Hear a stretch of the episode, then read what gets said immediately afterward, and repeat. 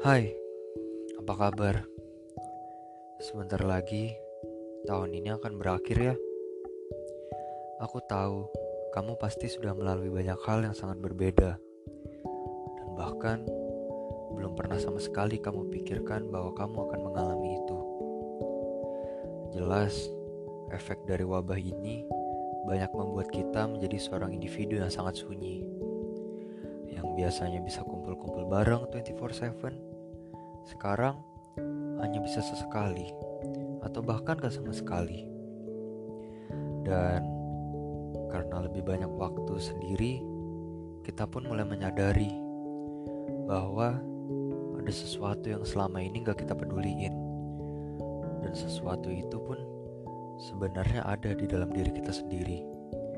Bahkan kita gak sadar bahwa dia itu ada.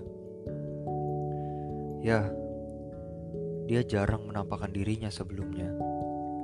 Karena dia selalu tenggelam dengan prioritas-prioritasmu yang sangat banyak, sehingga membuat ia terlupakan. Dia sering muncul ketika kamu merasa bimbang dan merasa bingung dengan kondisi dunia ini. Apakah kamu ini pantas berada di dunia atau enggak? Ya, saat di mana kamu mulai meragukan keberadaanmu di dunia ini, meragukan hal-hal yang sudah kamu lakuin selama ini.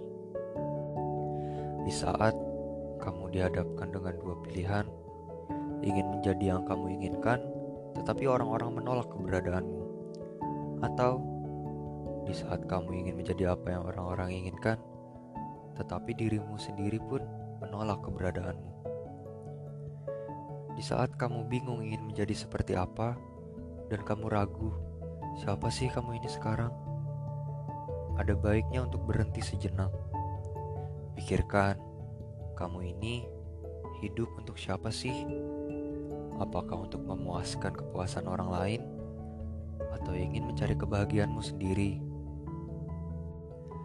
Di saat kamu ingin memuaskan orang lain, tentu saja hal itu bukanlah hal yang mudah, bahkan mustahil. Satu-satunya jalan yang bisa membuatmu bahagia adalah dengan menjadi dirimu sendiri. Tentu saja penolakan itu selalu ada di awal-awal. Orang-orang akan mulai mencacimu, merendahkanmu, karena kamu berbeda dengan mereka. Tetapi ya, gak ada salahnya kan kamu melawan balik cacian mereka dengan menjadi dirimu sendiri. Buat perbedaan dalam dirimu itu menjadi sebuah ciri khasmu yang akan membuat ketika orang mendengar kata itu, mereka akan seketika berpikir, "Wah, itu si Anu, style dia banget tuh, unik banget dah." Tentu saja hal tersebut mungkin terdengar mustahil pada awalnya, tetapi di saat kita ingin memulai sesuatu itu, lawan pertama yang kita hadapi bukan orang lain, tetapi pemikiran kita sendiri. Sebenarnya hal ini sangat sederhana. Bahkan saking sederhananya, orang-orang sampai lupa bahwa dia itu juga penting. Lebih penting dibandingkan hal-hal yang sebenarnya nggak pantas dijadikan sebuah prioritas.